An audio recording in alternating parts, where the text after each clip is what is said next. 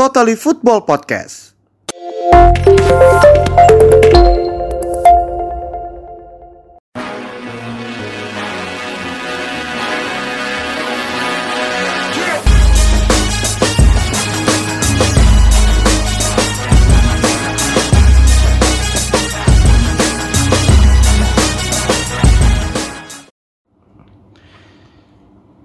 Ya, kembali lagi bersama gua Waldo Farel Hakim dan juga Arsa.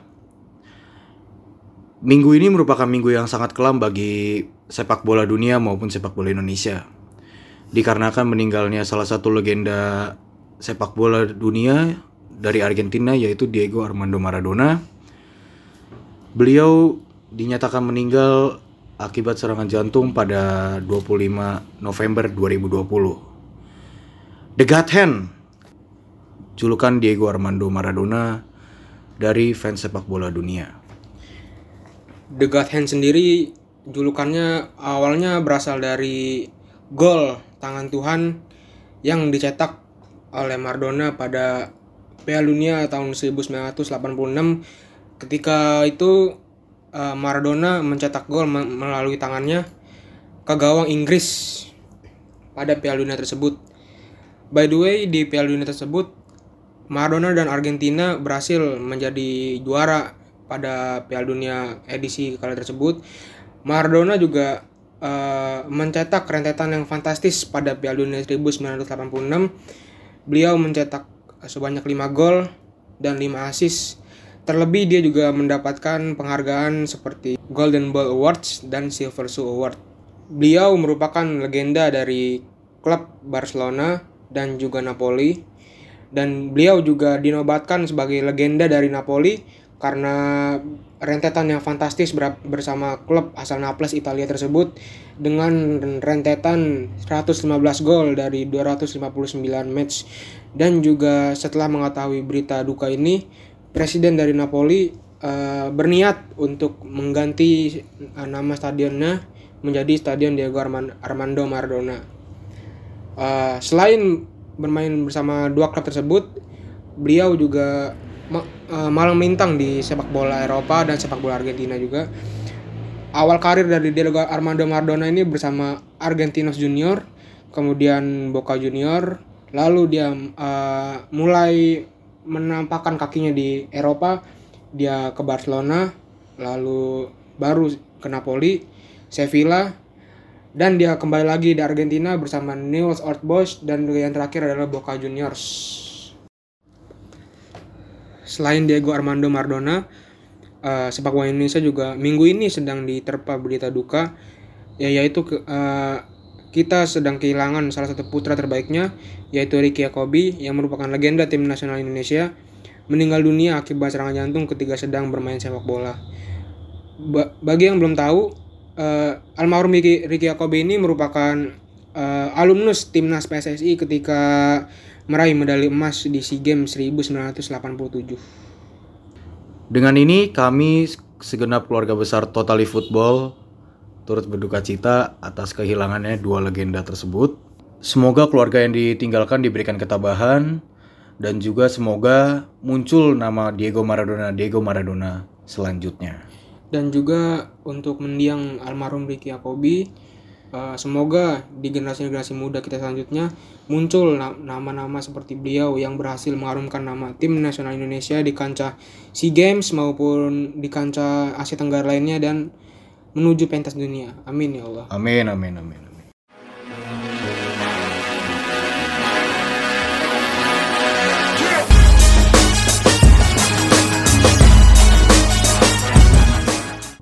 Ya, kembali lagi di segmen 2. Jadi tadi di segmen pertama udah nih ya saya. Kita sedih-sedihnya udah lah ya. Iya, oke. Karena kita juga nggak mau ketinggalan nih ngejelasin beberapa hasil pertandingan. Yang seru-seru pastinya. Oh jelas di La Liga dan juga UCL. Apalagi UEFA Champions League kemarin berlangsung dari hari Rabu sampai hari Kamis ya. Yes. Ya, jadi ada apa aja sa? UCL dulu deh kita jelasin UEFA Champions League dulu nih, masih hangat-hangatnya soalnya. Satu-satu kali ya. Iya, satu-satu aja dulu. Ah, yang pertama nih eh, United nih, MU. Kemarin mereka habis menang 4-1 lawan Istanbul Basaksehir. Mainnya di Old Trafford tuh kemarin. empat gol di yang nyetak gol tuh Bruno is Bruno dua Itu gol yang dia. yang gol volley itu ya? iya itu yang gol yang volley, gila itu, tuh. gila, gokil Bruno dua gol habis itu Rashford dan di menit akhir Daniel James golin gokil gokil Bruno nih emang lagi naik-naiknya ya dia di pertandingan ini cetak dua gol di match sebelumnya juga dia berhasil cetak satu gol melalui penalti Dua- MU juga menang 1-0 kok lawan, Lawan West Brom ya? West Brom ya? Gokil Bruno. Abis MU ada apa lagi tuh? Abis MU tuh ada pertandingan Rennes lawan Chelsea. Ini ini ini pertandingan menit-menit akhir si Giroud nyetak gol lagi. Giroud nih striker kesukaan lu nyetak gol lagi nih. Nah itu dia kemarin dia berhasil Tadi lu gua gantiin- mau nanya, emang awal eh, iya dia gantiin siapa emang? dia gantiin Abraham. Temi ya? Abraham tuh kayak stuck gitu nggak bisa nyetak gol di match itu. Lampard abis itu men- baru menit-menit 60 eh menit berapa waktu itu ya gue lupa. Masukin Giroud dan buktinya terbukti dia berhasil ngebuktiin Lampard kalau dia tuh layak dapat tempat utama di Menit Chelsea. di menit berapa tuh nyetak golnya dia? di menit eh, 90 dah. Pokoknya di Oh menit, menit 90. di menit 90 itu uh, ada dua pemain penting yang dalam gol tersebut. Siapa? Selain Giroud ya, maksudnya kan Giroud yang golin. Oh. Uh, sebelumnya tuh Werner nendang, nah sebelumnya lagi tuh Ziyech yang umpan ke Werner. Bentar, Warner Warner main. Berarti Werner Lampard main. mainin dua striker atau Warner jadi winger? Lampard mainin dua striker pas di match itu. Dua striker. Iya dua striker. Berarti lah enggak, gua gua kan soalnya waktu Rennes lawan Chelsea, gua cuma nonton awal-awal doang kan. Iya. Eh, gua ngelihatnya ada Temi, Yes. terus gue juga pengen ngeliatin Kamavinga, cuman Kamavinga juga keren sih mainnya. Kamavinga bagus. Bagus cuman kayak Next Ya. next ke Madrid. Ya, ya semua, uh, apa namanya? Kamavinga bagus sih visi bermainnya cuman uh, Apa deh? kayak dia gelandang yang tipe-tipe gelandang kayak gimana ya? Lincah Box to box ya? Box to box lincah cuman nggak nggak skillful kayak kan banyak gelandang skillful kayak Grealish, kayak Thiago Alcantara. Alcantara, kayak siapa lagi tuh? Main Berarti dia lebih- ya, yang main Barca siapa yang main muda gelandangnya? Rico Rico Puig Rico juga. Puig. Nah, cuman dia Ka- Kamavinga ini punya gaya mainnya sendiri dah pokoknya keren deh pokoknya tapi Berarti dia mainnya box to box tuh. ya yes, benar. Dia Keren deh pokoknya. gua gua kemarin soalnya nontonin Chelsea cuman kayak apa ya? Golnya Hudson Odoi itu gua ngeliat notifikasi Iya. kan. Hudson Odoi nyetak gol. Terus gua nontonin, nontonin terus kayak oh, udahlah gue tidur bukan Madrid ini main gue tidur aja. Kacau. Enggak enggak. Terus apa? Si berarti dua striker gitu. Iya. Lampard itu sebenarnya udah sering gak sih gunain dua striker gitu? Lampard itu ganti-gantian dia tuh pasti kalau misalnya Abraham yang main pertama Abraham tuh jarang kok jarang main 90 menit. Kalau sel- yang ini gue lihat ya. Ah. pasti tuh diganti sama Giroud. Sama Giroud. kadang-kadang Giroud main gitu. Lampard tuh. Eh, selain Chelsea ada apa lagi sih tuh kemarin? Selain Chelsea itu Eh, ada Juve kemarin menang berapa sih? Juve kalau nggak salah lawan Juve. Ferencvaros ya? Dua satu ya? Itu Morata nyetak gol bukan sih? Last iya, minute. gila, last minute dia last minute. Gila. nggak maksud gua maksud gua itu lawannya klub up. Gua gua jujur gak tahu ya itu yang lawannya Juventus. Gua nggak tahu. Gua gak tahu sih Juventus maksud gua bisa sampai last minute gitu lawan klub klub mana sih?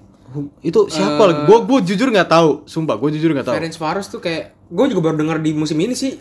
Makanya. Eh, Ferencvaros tuh oh klub ini dia asal dari Hungaria dia. oh dia dia mungkin lolos gara-gara kualifikasi kali ya? Iya. Kayak gara-gara kualifikasi. Dan gue juga kaget kaget sih gue maksud gue seorang Juventus ya mungkin karena emang pelatihnya baru Pirlo kali ya dan juga maksud gue dia punya kapasitas pemain bagus CR setahu gue main deh Iya golin kok dia CR. oh C iya CR, CR golin kan CR golin. nah CR golin kan CR golin terus lu lu, mesti susunan Nah. pemainnya tuh ada Delik Iya. ada Arthur Bernadette Dybala pun juga main gitu loh Yang yang gokilnya apa?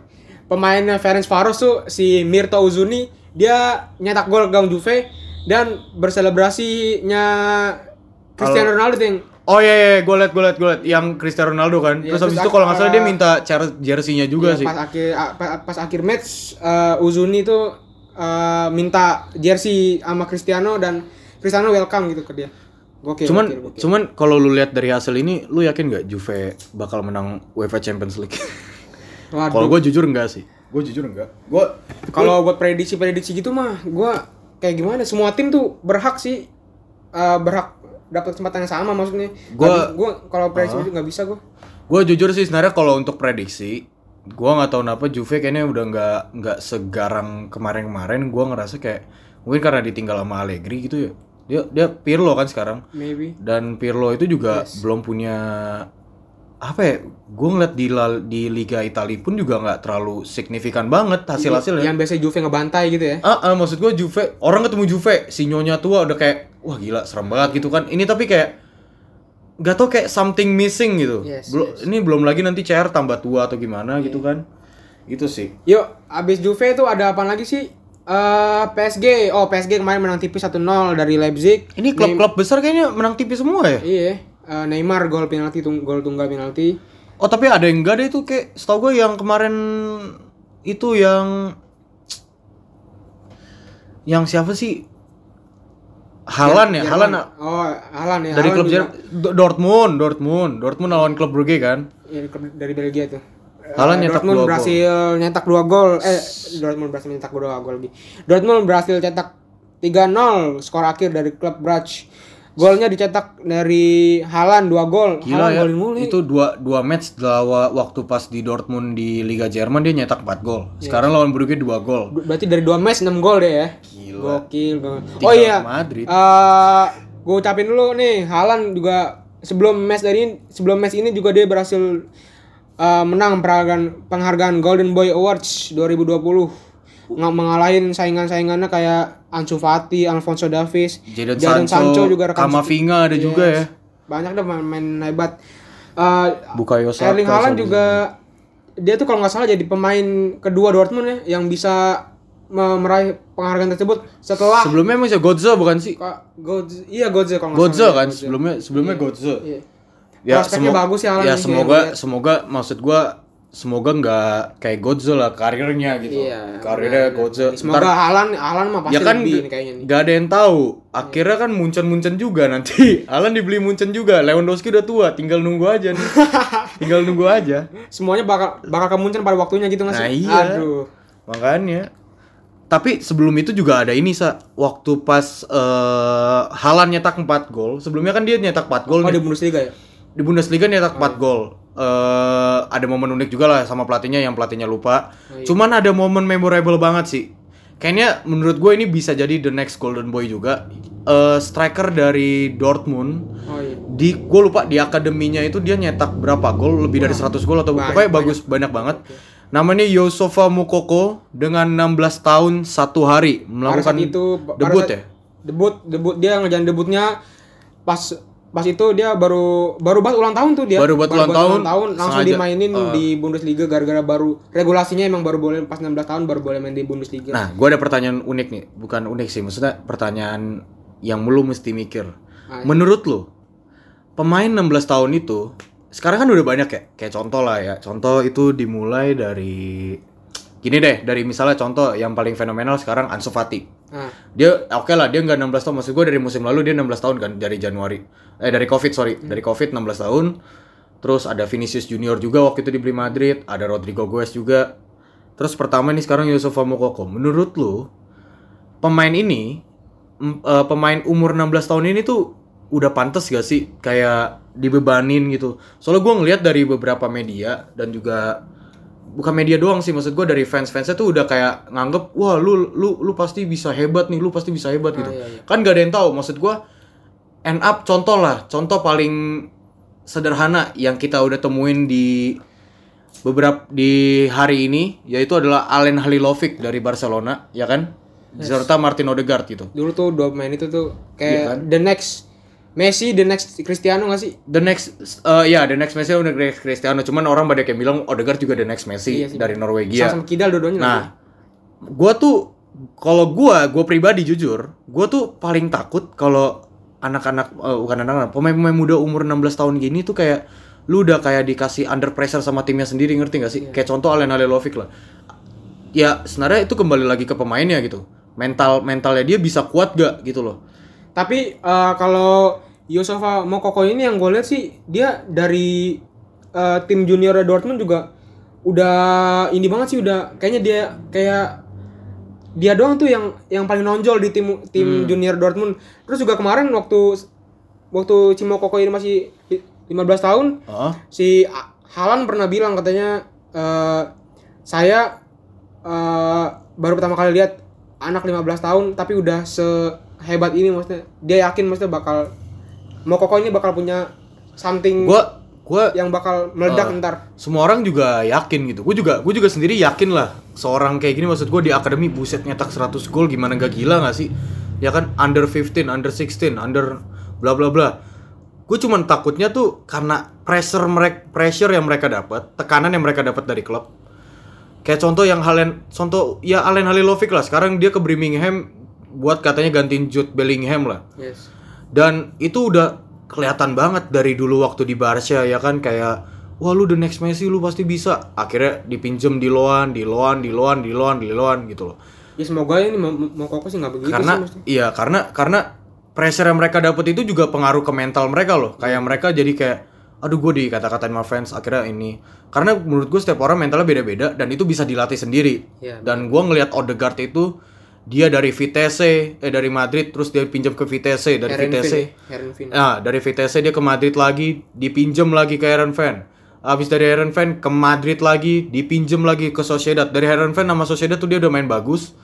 Dan itu gue ngeliat emang mentalnya gila sih. Dari situ mentalnya udah kelihatan gitu loh. Tapi semalam eh sekarang udahan udahan kali ya balas- bahas-bahas mau kokonya. Oh. Bahas kita bahas Odegaard aja. Oke. Baru semalam dia yang debut kalau nggak salah di Madrid kan. Iya jelas tuh. Gila. Semalam tuh Madrid tuh kemarin menang berapa sih tuh? 2-0 ya. 2-0 Madrid menang ya. 2-0 lawan Inter Milan. Dan gua berterima kasih. Gua nggak peduli lu pada marah sama gua. Gue berterima kasih sama si Ultraman tolol itu berhasil berhasil kartu merah karena emosi sendiri. Lu lu tahu nggak tragedi itu? Tahu, lu tahu. Lu tahu nggak tragedi? itu? Tapi gara-gara dia gue kalah taruhan.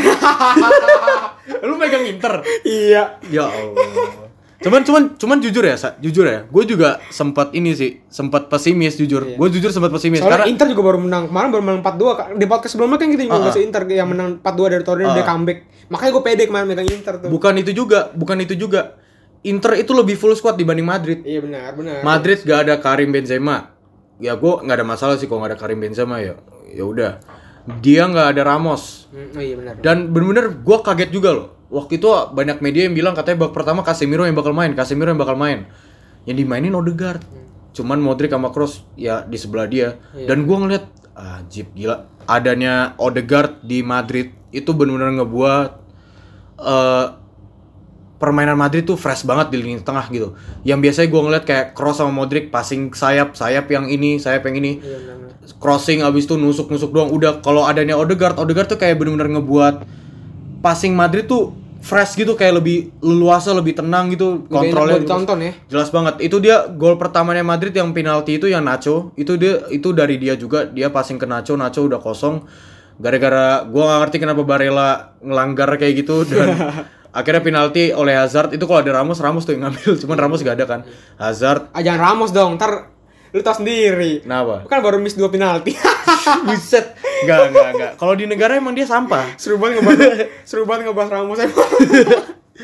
Kalau di negara dia emang emang agak sampah. Cuman maksud gua kalau di klub dia gila sih maksud gua. tapi tapi semalam Liverpool juga kalah lu gokilnya lu. Liverpool kalah 2-0 wa- wajar sih. Yang gokil lawan Atlanta yang yang di match day sebelumnya Liverpool eh, maksudnya yang di match di UEFA Champions League sebelumnya Liverpool baru ngebantai 5-0 loh Atlanta. Tapi Makanya emang kan- di match day ini kan Padahal uh, wing- padahal wing- bantai bantai 5-0 di Atlanta di kandang mana? Atlanta. Iya benar. Makanya itu dan juga gua ngelihat emang dari gua lihat dari formasinya nih Sa, eh, waktu dia 5-0 lawan Atlanta versus yang dia kalah 2-0 lawan Atlanta nih di Anfield. Wingbacknya ngaruh sih. Wingbacknya ngaruh banget. Itu wingback Liverpool itu di kanan itu Milner yang tadinya sebenarnya waktu lawan 5-0 itu wingbacknya ada Trent sama Robo. Ro- ro- iya, benar. Di bagian kiri Liverpool itu pemain muda. Terus habis itu di midfielder juga ada pemain muda ya. Pemain muda Liverpool juga. Gue lupa namanya siapa. Terus sama back tengahnya itu Rhys William ya? Ri- itu pemain muda ya? Yes. Tengahnya semalam tuh Ada si tengahnya tuh Wijnaldum. gue juga kaget sih tengahnya dia masang Curtis Jones sama Wijnaldum. Curtis Jones, Wijnaldum sama Eh tapi kemarin by the way Eh, bukan deh, ternyata sayapnya sayapnya tuh bukan bukan Miller kemarin tuh sayapnya tuh Neko Williams Neko Williams sama kirinya tuh si si Mikas. si Mika. Si Mikas juga baru sembuh dari Covid tuh dia. Cuman cuman yang gue lihat dari gol keduanya, gol kedua atau gol pertama gue lupa. Itu emang udah kelihatan jelas banget sih. Atlanta itu kan emang dari mus dua musim lalu juga dia udah kelihatan banget tim menyerang banget kan. Yes. Kebobolan banyak tapi dia tim menyerang. Eh maksudnya kebobolan tiga, cuman dia bisa nyetak gol 4 Itu kan Atlanta ciri khasnya gitu. Iya. Dan gue emang ngelihat Atlanta emang permainannya dia dia tuh tim Italia yang bukan tim Italia yang gimana ya? dia tuh berani nyerang gitu tim Italia. Maksud gua sekelas Atlanta loh. Iya benar. Kayak bukan ya bukan Inter, bukan Napoli. Ini Atlanta loh gitu. Iya benar. Dia berani nyerang dan itu ada gol gue lupa golnya dari golnya si Ilicic kalau salah yang dari umpannya Hatebor dari sundulan itu udah kelihatan jelas banget sih. Hatebor itu kan back sayap tapi tinggi ya. Iya benar. Eh, dia itu waktu itu beradu sama si Mikas atau Neko Williams gue lupa pokoknya dia dapat bola dan langsung Ilicic nyetak gol dan menurut gue itu juga kelihatan banget jelas Liverpool emang krisis lini back apalagi Van Dijk tuh Van Dijk tuh ngaruh banget Van Dijk, Joe Gomez. Robo, aduh itu gue yang yang paling gue sayang sih Robo sama TAA sih dia. Nah, itu dia. Padahal padahal lu tau gak sih itu di Premier League dia menang. Liverpool tuh menang. Premier League tuh dia menang eh dia tuh menang bentar gue cek. Liverpool itu menang 3-0 lawan Leicester Oh iya benar dan iya benar. dan menurut gua Li- Liverpool itu bisa kenapa Liverpool bisa ketutup Enggak, back-nya di La Liga eh Enggak, maksudnya enggak, Premier enggak. League. Kenapa? Sorry Kenapa? gue potong. Apa? Eh, yang gue heran kan sekarang Jota lagi naik-naiknya ya. Ah. Maksudnya kenapa eh, Jurgen Klopp tuh kayak masangnya tuh malah Origi dari awal bukan Jota duluan gitu. Nah, Kalau menurut gue malah Jota, Jota, tuh harusnya- malah wing kan. Itu itu karena karena eh Jota Jota nggak Jota- main. Oh, salah yang main ya? Iya, Winger salah. ya? Salah, kan- salah sama Mane tadi malam. Kayaknya kayaknya mungkin karena emang kecapean lawan Leicester. Cuman eh apa kalau gue bilang kalau gue bilang dari Premier League sendiri, bagaimana Liverpool tuh kenapa sih nggak ketutupan banget di Premier League tuh nggak kelihatan kayak mereka tuh kalah kalah kalah tapi menang terus mendapatkan hasil positif ya karena mereka ketutupan sama attacker mereka nge-carry attacker mereka tuh nge-carry. Jadi kalau kalau misalnya tim lu bapuk tim lu jelek contoh Atlanta lah Yes. Contoh Atlanta, backnya bapuk, backnya jelek banget. Cuman attacker mereka tuh bervariasi. Mereka mereka berhasil berkreasi serangan, mereka berhasil buat serangan secara terus menerus. Ada Ilicic, ada si di midfielder ada Atebor dan pokoknya banyak deh. Gue lupa, gue nggak hafal juga. Dan itu contohnya seperti yang dimiliki Liverpool. Lihat attacker mereka masih sehat-sehat aja. Ada Mane, Roberto Firmino, ada Diego Jota, ada Muhammad Salah. Terus habis itu midfielder ya Wijnaldum, ada Naby Keita juga. Jadi itu ngebuat ya Liverpool nggak bisa dibobol ya karena attacker mereka. Setahu gue itu ada kata-kata dari Sir Alex Ferguson pertahanan terbaik adalah serangan.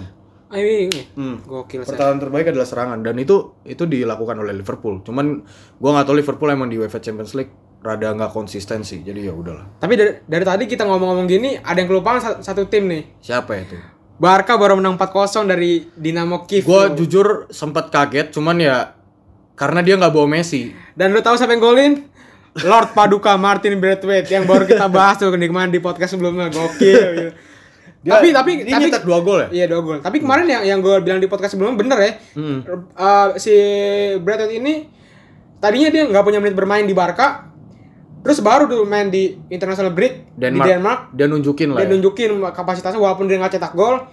Dia bawa kayak pengalaman yang dia dapat di Denmark dibawa ke Barca dan hasilnya Hasilnya positif. dia berhasil cetak gol dua gol lagi ke gawang Cuman gokil sebelumnya Barca itu kalah 1-0 lawan Atletico Madrid. iya oh yang dikolongin si itu Dikolongin ya. siapa, siapa si- kiper Barca tuh Ter Stegen Ter Stegen dikolongin sama Carrasco itu Ter Stegen bener Ter Stegen, Iya, Ter Stegen. Ter Stegen lagi kan maksud gua Ter Stegen udah mulai balik lagi terakhir kali Iya.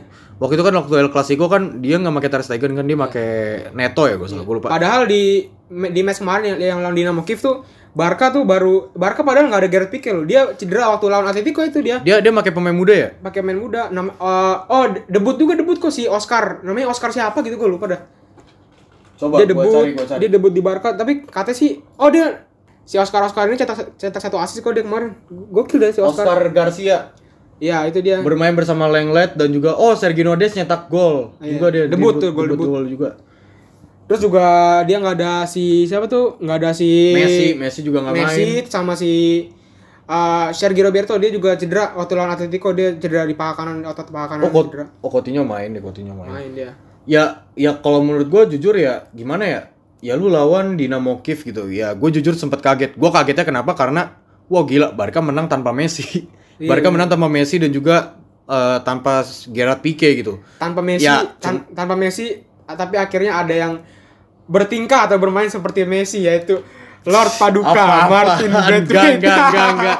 Enggak itu pemain mediocre gue juga tahu fans Barca juga pasti setuju sama gue cuman yang gue kaget ini Braithwaite ini di starting dia dia lebih di di apa lebih ditaruh di starting dibanding Griezmann loh Griezmann cadangan.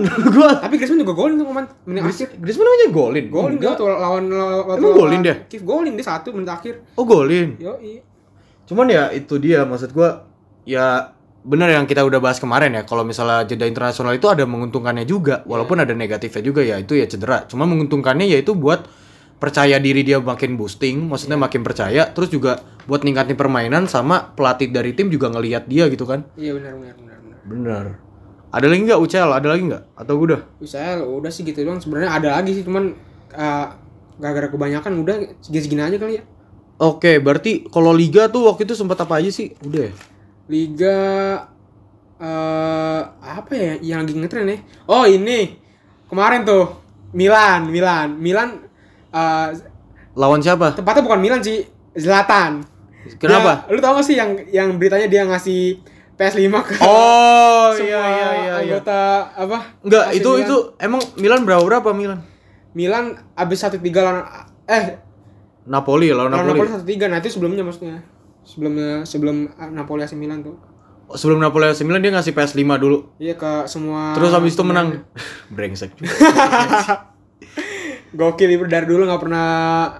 Iya dari dari dari zaman PSG ya. Gokil, Dari zaman PSG dia juga udah sering ngasih-ngasih hadiah ke pemain-pemain PSG ya. Sultan Sultan Swiss beda sih emang. Tapi di match sebelumnya kita ke Premier League dulu kali ya. Boleh boleh ke Kita Premier ke League. Premier League eh, ada satu pemain yang bukan satu ya satu pemain.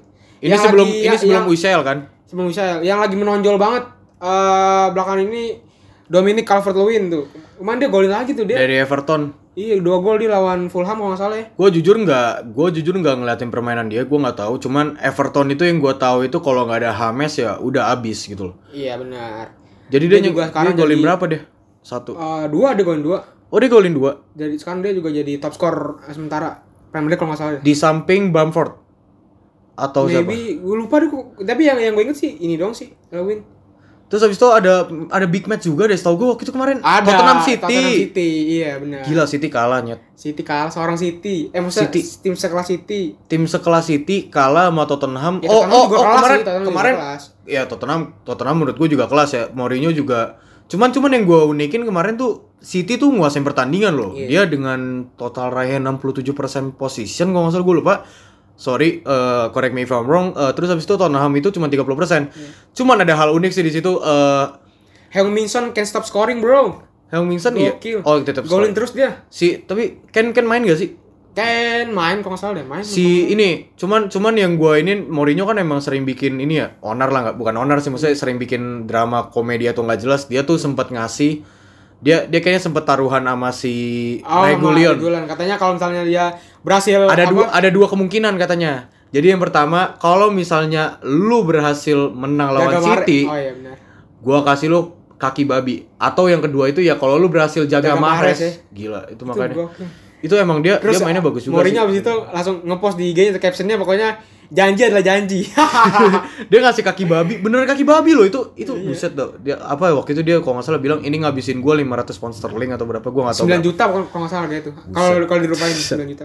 kaki babi dia dia dia, dia emang selalu nggak jelas sih emang itu gua nggak ngerti lagi itu mantan mantan pelatih lo juga tuh Ah, iya benar. di Liga Prancis juga setahu gua tuh ada ini juga apa drama tuh yang si Cesc Fabregas tuh yang nyelamatin AS Monaco Hmm. lawan PSG Nah, tapi kemarin kan apa si PSG baru dia eh, abis kalah lawan Monaco menang kan di UEFA Champions menang League Champ- di Champions League tapi cuma menang 1-0 tuh. makanya dia dia nggak konsisten menurut gua tuh PSG ini nggak kayak dulu gitu gua nggak ngerti deh Kenapa maksud ya? gua nggak apa kehilangan sosok kapten Thiago Silva gitu kan jadinya back me- back mereka kan paling cuma Marquinhos sama Kehrer ya itu Iya, Tio Kehrer. Tio Kehrer ya lupa. juga, Kimpembe. Kipembe ya Kipembe juga kan dan juga ya menurut gua di PSG itu apa ya gua ngelihat Neymar Neymar kalau Mbappe gua masih inilah dia dia, Dia kemarin waktu sih. sebelum isu sebelum Israel yang dalam Monaco PSG sempat unggul 2 2-0 dua-duanya dari Mbappe tuh. nah iya apa Dari situlah kenapa kenapa gua bilang drama terbaik adalah sepak bola itu karena ini salah satunya. itu si Fabregas baru masuk langsung ini kan Iya, dia- langsung nyelamatin kan Mbappe 2 2-0, abis itu Kevin Volland 2-1, 2 dua sama lagi, Kevin Volland lagi 2 sama. Akhirnya Fabregas dapat penalti. Dan itu gua gua gua ngerasa kelemahan PSG itu adalah sosok kapten sih. Karena gue ngerasa Neymar nggak bakal bisa jadi kapten. Gue jujur, gue gua ngerasa Neymar nggak bakal bisa jadi kapten karena attitude dia yang kadang masih belum. Gue nggak ngeliat dari karakteristik dia tuh punya jiwa kapten gitu loh. Kayak jadi tuh kalau contoh lah misalnya di Barcelona ya Barcelona juga waktu itu sempat ada kontroversi juga kan kaptennya misalnya Messi. Karena di Barcelona tuh nggak ada orang yang berani gertak dia. Iya. ngerti nggak? Ditinggal Iniesta Xavi Busquets juga ya apa sosok maksud gua dia diem-diem doang orangnya pendiam gitu kan. Maksud gua kayak Iniesta Xavi. Eh habis itu ada dulu kan David Villa lah ada pokoknya Iya, iya. Puyol. Itu kan maksudnya bisa berani gertak Messi Gua takutnya ini tuh kasusnya Neymar sama kayak kasusnya Messi beberapa tahun belakangan Oh, iya. karena lebih gede dibanding klub yang ngerti gak sih? Iya, iya, iya. Nah, gue ngerinya gitu. Jadi gue, jadi menurut gue PSG ini tuh butuh pemain yang apa ya, yang punya jiwa kapten gitu, yang berani tegur gitu ya. Cuman agak susah sih, soalnya kan emang Neymar lebih lama di PSG kan dibanding beberapa timnya gitu kan. Iya. Paling di Maria sih, setahu gue itu pun juga di Maria juga gue ngeliat gak ada sosok kaptennya sih. Tapi kemarin eh, kita ganti match ya. Ah. Kita ke tapi kemarin tuh yang pas Inter lawan Madrid, padahal Inter tuh di sebelumnya lagi menang tuh 4-2. Comeback juga Ya, dong. makanya dia Sama kayak Monaco. dia gak konsisten gitu loh. Iya. Dan dan menurut gue jujur, gue tadi udah sebutin belum ya? Gue lupa. Eh Madrid itu jujur gue pertama kan gue nggak pede. Gue nggak pede Madrid itu menang lawan Inter karena ya Inter gini. Waktu Madrid menang lawan Inter di kandang Inter 3-2 yang drama golnya Rodrigo yang paling terakhir menit-menit terakhir. Iya, iya. Ya kan? Itu Inter bener-bener main gak ada Lukaku. Itu yang pertama. Oh, berarti Rodrigo dua gol lawan Inter ya? Rodrigo dua gol lawan Inter, makanya it, gol kedua gol kedua dia itu golnya asis bagus banget dari Lord Vasquez ya. Lord Vasquez. gua nggak tahu kemarin tapi mainnya bagus banget. Ah, Hazard juga mainnya bagus. Eh jadi Inter itu gua waktu ngelihat anjir Inter gue liat ada Lautaro Martinez, ada Lukaku. Terus si siapa? Vidal Vidal main juga. Lukaku sebenarnya yang gua bahayain itu adalah Lukaku. Lukaku itu udah balik soalnya. Lukaku itu udah balik dari cedera waktu kemarin kan. Abis itu ada Akraf Hakimi juga. Dan gua seneng Zidane nggak mainin Marcelo di bagian back kiri. Karena seorang Ferland Mendy pun lawan Akraf Hakimi itu mati-matian bos. Lu kalau mau masang Marcelo di kiri kemarin gue yakin nggak bakal lolos gue yakin 100% dan kemarin Hazard pun juga mainnya bagus banget dia berani nusuk dari dia berani nusuk dari belakang lagi Waduh, apaan tuh? Aduh apaan tuh? dia, berani, dia berani nusuk dari kiri kanan, dia berani nusuk dari kiri kanan. Adanya Odegaard juga mempunyai chemistry yang bagus ya dari dua orang Gak itu. jokesnya keluar tuh orang. Enggak. dan juga ya strikernya juga kita Mariano gitu dan ya itu dia gue bilang tadi Madrid ini tuh lagi nggak tahu ya gue dari awal musim tuh ngeliat Madrid tuh lagi jelek gitu. Pertama ada yang cedera, ada yang kena covid, si Jovic kena Jovic baru nyetak brace 2 gol kena covid, Benzema cedera, Ramos cedera. Ini tuh pemain mau sampai kapan sih? Mau Nightmare buat kapan? Madrid ya. Makanya itu Madrid tuh apa ya? Da- ya tadi kan gue bilang dan juga ini eh, banyak yang cedera, banyak yang ini dan Isco pun juga sebenarnya udah mau dijual juga. Katanya rumornya mau ditukar sama Erikson. Gue jujur nggak bakal mau sih kalau ditukar sama Erikson. Karena kalau dia ditukar sama Erikson tuh kayak apa ya? Gue lebih rela lu nambah duit dikit lah 100 juta lah lu berani lah keluarin 100 juta gue yakin Madrid kecil lah 100 juta itu buat De Bruyne De Bruyne cuman gue yakin Pep Guardiola nggak bakal ngelepas De Bruyne sih karena emang De Bruyne itu juga salah satu faktor penting di City kan dan juga Tapi katanya Erikson main ke ke mana Madrid? makanya pengen ditukar sama Isco. Oh, iya, nah, gua gua nggak setuju. Gua lebih pilih kalau misalnya lu nuker ya Lautaro kalau nggak inilah Dybala lah seenggaknya. Soalnya gua gua ini ini soalnya baru musim ini bukan baru musim ini sih. Sebenarnya gua baru ngelihat Zidane nih tumben lagi suka-sukanya pakai center attack midfielder.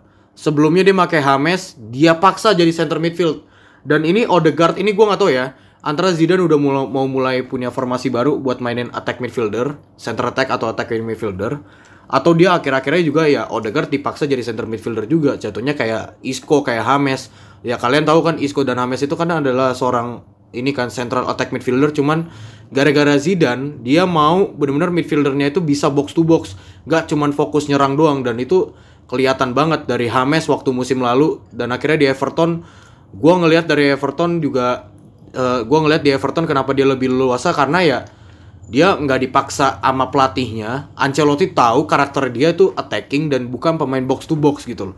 Sedangkan Isco, Isco itu masih nurut karena ya gimana ya, gue ngerasa Isco itu masih mau untuk box to box, cuman kalau Hames nggak. Waktu main di Madrid Hames pun juga terpaksa buat main box to box dan itu juga hasilnya nggak bagus gitu loh.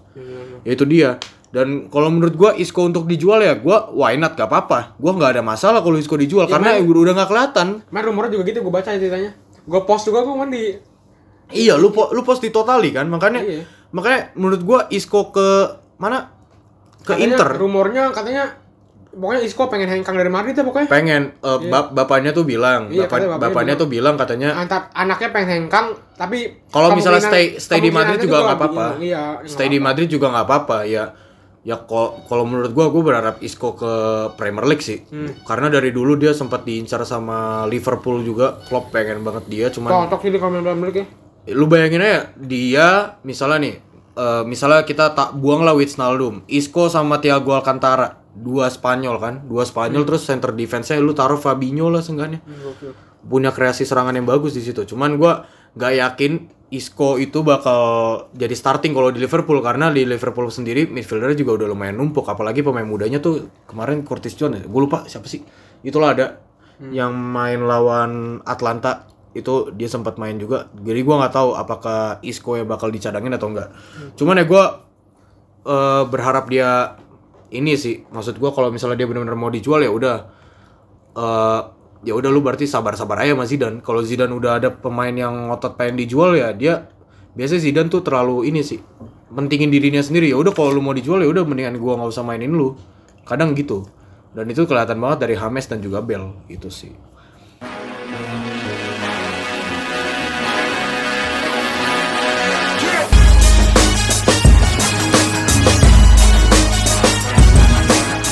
Nah lanjut nih Sa, segmen 3 Nah ini mungkin pertama kalinya di, di podcast Totali kita bakal ngebahas tentang Indonesia ya Indonesia ya. Indo Pride ya. Indo Pride ya, Indo Pride Jadi ada apa aja nih Sa? Coba Sa Ah, pertama dari Liga Polandia lu tahu sendiri, Egi Maulana Fikri. hmm. Dia salah satu pemain pertama Indonesia yang berkarir di liga utama di Eropa. Dia kemarin eh, main lagi, dika- akhirnya di- dikasih menit bermain lagi. Dia main walaupun diturunin menit-menit akhir menit 84 wa- waktu lawan Pias Gliwice. Dia main menit 84 gantiin ke si Ka- Karol Vilal. Karol Villa. Nama ribet amat Iya. dia cuma main 6 sampai 8 menit tapi ya itu itu bagian dari proses sih maksudnya eh apa namanya? Biar kepercayaan pelatih makin meningkat lah maksud gua Iya, maksud iya gitu. Pelatih kan juga Walaupun maksudnya kan, kalah. eh, Lecce juga apa? Masih di posisi 4 sementara ekstrak laksa Liga Utama Polandia. Terus juga yang kedua ada apa namanya? Back tengah timnas Indonesia U19 tuh yang yang kemarin baru di eh, datengin waktu tesnya di Kroasia itu Elkan Bagot dia sukses cetak gol di bersama Ipswich Town U18 di ajang sebesar FA Youth wa- walaupun FA-nya Youth muda Akademi kan tapi itu ya Iya, Itu tapi akademi. dia berhasil cetak gol sundulan dan kemenangan 5-0 dari Chelmsford City. Terus yang terakhir juga ada uh, wing wing kanan timnas Indonesia U19 juga nih. Witan Sulaiman. Dia kemarin berhasil Oh iya iya nyetak dia satu nyetak gol. satu gol lawan kalau nggak salah apa tuh namanya ya? Gue lupa deh namanya apa. Pokoknya Namanya dia, ribet ya? Iya namanya ribet. Dia pokoknya cetak satu, satu, satu gol waktu waktu main di Liga Serbia sama FK Ratnik Surdulika U20. Ya kalau Harapan kalau harapan lu buat mereka-mereka nih apa nih? gue jujur gue jujur kalau yang gue lihat lebih berpotensi itu ya tiga pemain ini maksud Iya, gue Elkan Bagot ini ini gue ngelihat dari postur tubuh postur tubuhnya bagus sih Cocok maksud jadi gua. cocok sih Indonesia. dia, dia beda Jarang-jarang maksudnya. dia beda berapa senti sama Varan gue lupa deh Hmm. dia beda 4 senti atau 5 senti sama Varan ya terus juga emang dia Maksud gua jarang-jarang Indonesia punya back muda yang se maksudnya postur tubuhnya postur tubuh Eropa banget gitu. maksudnya. Maka iya kan postur tubuh Eropa seorang center back gitu kan cocok banget gitu. Dan juga eh, Egi Maulana Fikri ya. Gua jujur waktu dia ke Gets Leccia ya. Gue mikir tuh ini cuman bakal jadi mainannya Leccia doang ngerti gak sih? Cuma buat jadi pemain pasarnya dia doang. Hmm, iya, iya. Narik per- eh, narik supporter Indonesia buat beli merchandise dia bla bla bla bla bla bla. Cuman ya gue ngelihat dari beberapa eh, sempat berita gue baca-baca juga emang terkadang pelatihnya nurunin dia juga. Dan juga Egi juga katanya katanya gue nggak tahu ya cuman katanya juga not bad lah di Iya, mas maksud gue Iya, masih not- bisa bersaing lah. Untuk postur tubuh seperti dia gitu masih bisa Postur bersaing. tubuh juga. Yang yang lain juga kan umurnya masih maksudnya udah di atas 25 kebanyakan mah atau 24 ke atas. Egi kan Egi masih 20-an masih 20-an lah masih worth it lah dia masih bisa masih, bisa berkembang lah masih ba- adaptasi iya, sama masih cuaca Eropa Iya, makan benar, ini makanan-makanan Eropa juga. Iya. dan juga Witan ya Witan gue jujur Iya, gue jujur waktu dia tuh angkatannya Egi ya? Eh, eh, ya, dia main bareng Egi di timnas si Sadil tuh? Kalau Sadil satu angkatan juga tapi dia nggak tahu deh dia masih bentar ya ini gue mau klarifikasi. Gue gua nggak terlalu ngikutin sepak bola Indonesia karena yang ngikutin Arsa dan beberapa admin lainnya totali. Jadi sorry sorry kalau gue bet dan mungkin kadang gue diam Yes. tentang sepak bola Indonesia.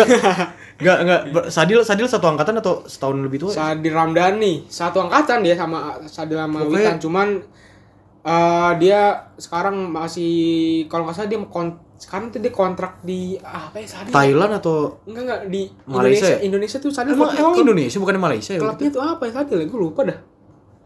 Gue ada gue gue gue gue lupa juga. Gue apalagi gue juga nggak tahu masa lu lupa sih. Gue lupa sumpah. Ya udah ya udah.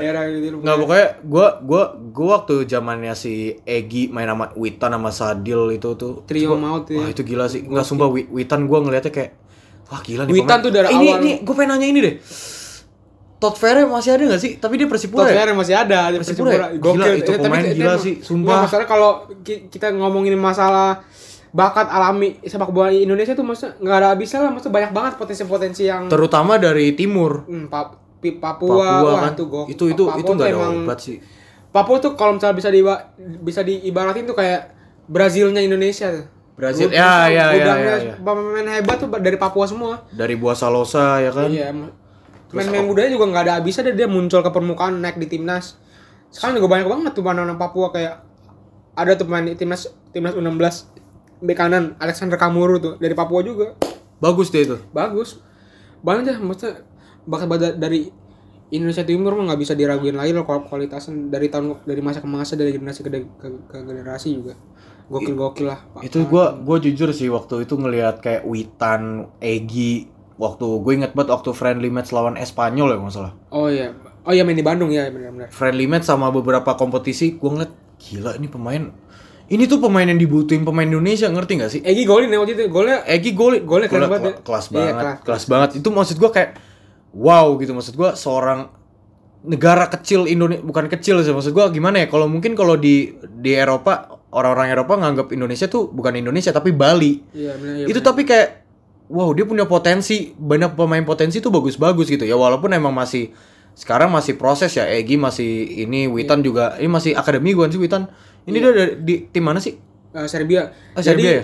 si Witan sama Egi ini Gila, Witan pertama kali gua banget, lihat dia main bareng berdua nih waktu dia bagus banget Witan first time ya maksudnya first time gue Oh. lihat kalau nggak salah itu waktu AFF tahun 2017 AFF U18 ini ini orang dua nih yang jadi kayak paling muda kan Witan itu paling muda kan? Dia Iya. dia dijulukin apa waktu itu? Baby Eh, Shark. baby shark ya baby shark tuh. Dia ini Egi sama Witan nih dari dua roh pema, roh permainan dari Indonesia 19 waktu tahun 2017 tuh AFF U18 ini dua orang ini nih yang paling banyak gol nih kayaknya dah kalau nggak salah dah. Iya. Akhir waktu itu dia kedua-duanya belum kayak belum kayak kontrak sama klub belum- lain kan belum- dia masih iya. Ragunan gak sih si Egi Iya, Ragunan masih ya? Ragunan dia. Egi Ragunan kan? Ini dua dua orang ini masih belum masih masih masa depan waktu masih abu-abu lah istilahnya. iya iya masih abu-abu belum punya klub belum apa akhirnya ini ini anak dua nih maksudnya yang jadi wonderkid Indonesia nih akhirnya bisa uh, keluar dari Indonesia uh, karirnya berani tuh berani keluar dari Indonesia karirnya sih. tuh dilirik sama klub Eropa Egi Lesia Gedang uh, Witan di Ratnik Sudurlika.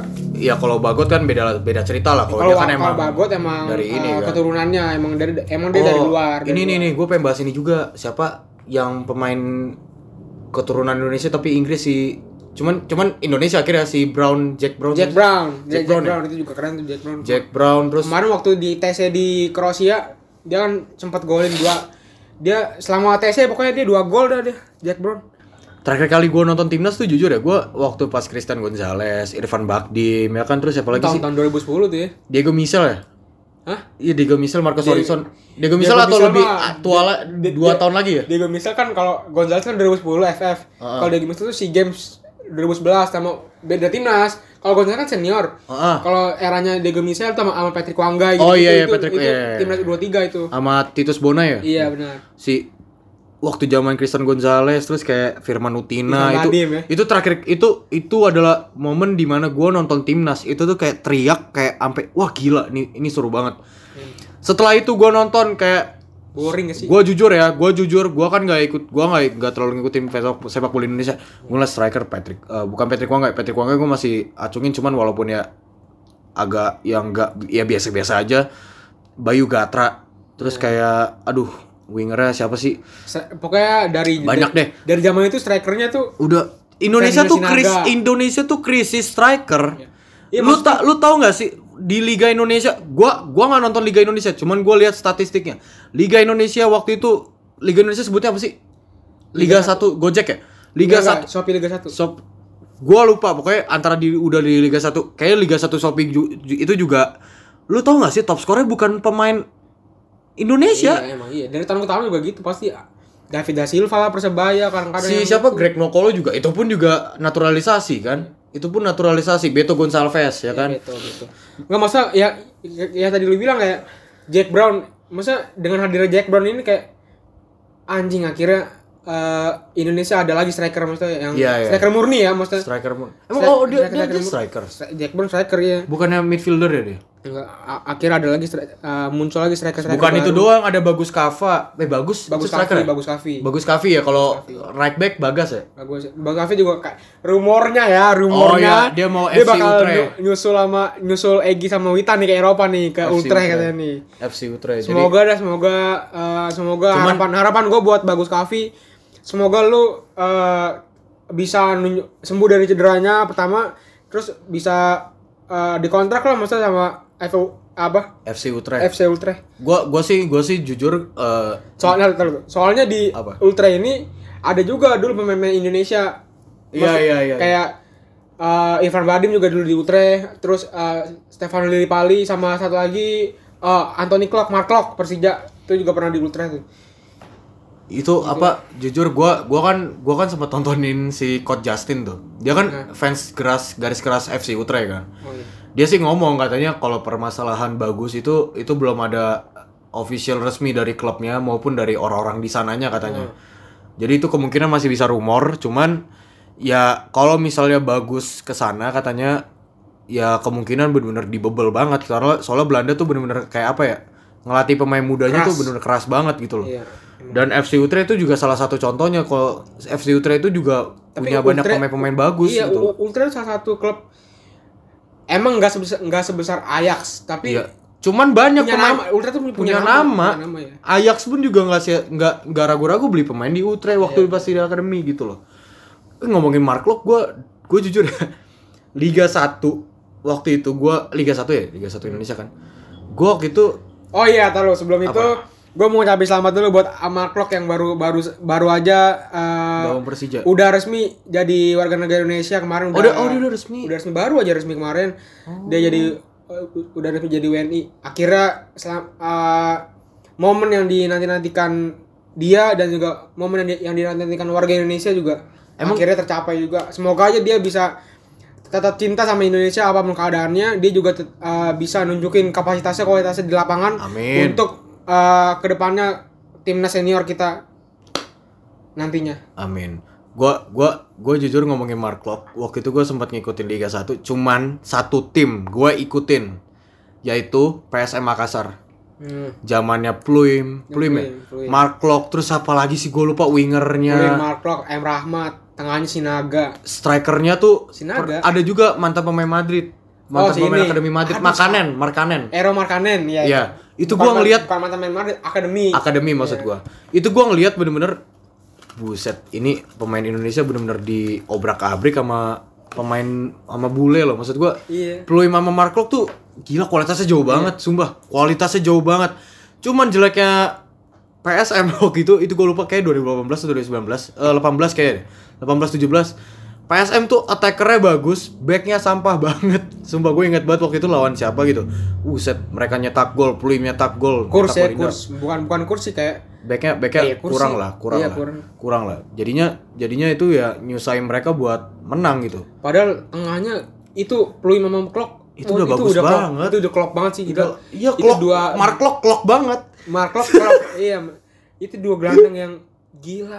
itu bagus banget sih sumpah jujur Kalau dibanding-bandingin itu Plim Plim dari Eropa kan dari Belanda. iya Belanda kan Pluim sama Klok emang hampir setipe cuman kalau kalau gue pribadi gue lebih condong ke Pluim sih. Dia iya dia, dia, dia, pengalaman kalau- lebih bagus sih Selain itu juga dia kalau bola udah di dia nih, kayak bola tuh lengket aja tuh di kakinya udah. Ah, gila itu makanya gue ngeliat kayak wah gila nggak fix waktu itu pada tahun itu gue langsung bilang gue support PSM gara-gara itu karena emang bagus banget permainannya Ewako PSM. Eh, Iya. by the way, gue juga gue juga orang Makassar by the way. lo orang Makassar Iya, gue baru gue baru so- tahu Eh, lu- gue baru tahu Lu gak tahu ya? beneran gue Ya baru tahu lu temen sama gua udah berapa lama sih lu, gue kira kan lu orang-orang sini pinggiran pinggiran Jakarta kan pinggiran. Jakarta pinggiran Bekasi kan gue kira situ gitu Gue gini-gini gue sebenarnya kalau Indonesia gue pro PSM cuman ya nggak bisa kayak gitu juga semua semua Ah, tim juga semua gua tim ya cuman gue bodo Tapi amat kan masing-masing orang kan juga punya klub kebanggaan diri. Kalau Iya. gua klub klub gua klub PSM Makassar. gua gua nggak peduli sih kalau Liga Indonesia karena gua males nontonnya. Hmm. But anyway guys, itu aja mungkin episode dari kita. Eh, Udah tiga segmen nih, udah hampir satu jam nih. Lama juga ya. Ini rekor rekor lebih baru lagi kayaknya nih. Kemarin soalnya empat empat tiga deh kayaknya. Eh, Oke, eh, dan juga eh, jangan lupa kalian eh, Kalau yang mau kalau yang mau kalian tetap mau update berita-berita tentang sepak bola mancanegara maupun eh, dalam negeri kalian juga bisa ikutin kita jangan lupa di Instagram kita @totali dot football L satu aja. LS satu aja. Terus ada juga kita di line di line tuh yang followernya udah banyak tuh. Wih, set sombong banget nih orang. Bukan sombong emang kenyataan. Eh, emang ya. bener. itu Apa uh, nih, bisa Sa? di bisa di uh, ketik di ID search ketik at FJW 0433N pakai at-nya ya jangan lupa. Kalau enggak kalian bisa juga langsung cek Instagramnya @totallyfootball L ya satu bukan sis kayak E-nya tiga. S, Ya, itu apa Bahaya itu. Nggak tau- ngerti, sumpah. pemain bola, pemain bola. Pemain bola Udah ya? udah lanjut. Bolanya mana? Bolanya yang mana nih? Gak tahu. Totally Football, eh, Totally Football itu di LS1 eh, itu di Instagramnya di bio-nya itu juga udah ada eh, link Spotify yang buat dengerin podcast Iya, Ja- ini. Jangan lupa di follow juga Spotify kita Total Total Football Podcast karena kita bakal nyajiin yang lebih dari sekedar postingan. Kita ngobrol kita asik-asikan di sini kita bahas bola. Yang mau uh, request kita nextnya mau bahas apa bisa aja kita di chat ke nanti nanti kita, nanti kalau kita di DM kita juga bisa. ya kemungkinan nanti kita juga bakal buat insta story juga eh, bakal eh, bakal insta story itu kayak ngejelasin kayak kalian mau request apa ngebahas apa nanti kalian bisa tulis di situ. Dan juga kemungkinan kita bisa juga ya mungkin eh, podcast bareng followers mungkin. Mungkin ke depannya nggak ada yang tahu ya. Oke boleh eh, bu- bisa juga sih ya. Boleh-boleh aja ya Boleh-boleh boleh-boleh aja ya ya pokoknya tetap pantengin Totally Football follow dan juga itu juga Totally Football juga ada di Google Podcast. Jadi kalau kalian yang nggak ada Spotify kalian bisa langsung klik di Google Podcast. Tapi sama aja utamain di Spotify dulu ya. Ya utamain yang di Spotify deh. Spotify gratis kan lagian juga nggak bayar juga udahlah. Paling premium juga nggak lah Totally Football kan podcast ini nggak bakal ini. Oke guys, jadi itu aja. Gua Waldo Farel Hakim. Dan gue Arsa Fadila mohon pamit thank you thank you Thank you, goodbye.